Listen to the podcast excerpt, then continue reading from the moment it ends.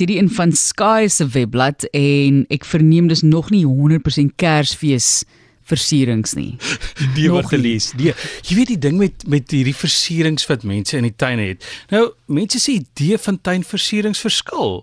Dis nou die ekstras wat nie nat gemaak moet word en groei nie.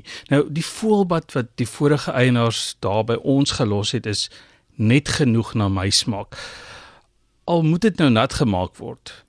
Nou in my vorige buurt was daar mense met 'n tuin vol tuindwergies. Maar dis dieselfde mense wat gesorg het vir 'n liggie skouspel oor Kersfees. Sommige hou van dinge rustiek. Ons Afrikaanse mense het dit mos nou net direk gaan vertaal na dinge wat roes.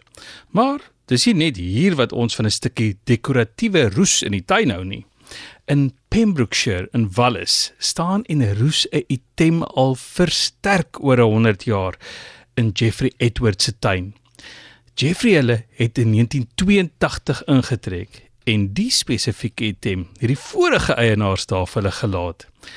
Dit dateer uit tussen 1880 en 1890. Verlede week Woensdag aan stop die polisie daar by die huis en sê mense, daardie kartet sit die tuin, die kanon koel. Die ministerie van verdediging gaan ondersoek moet instel. Nou daardie stuk skiet goed van 'n skip af wat lank lank gelede skit skit met 'n donkiekar van die strand af huis toe gebring is.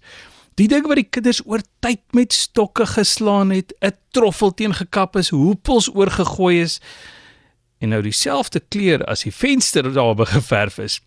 Daardie ouetjie moet die bomafdeling kom onskadelik stel.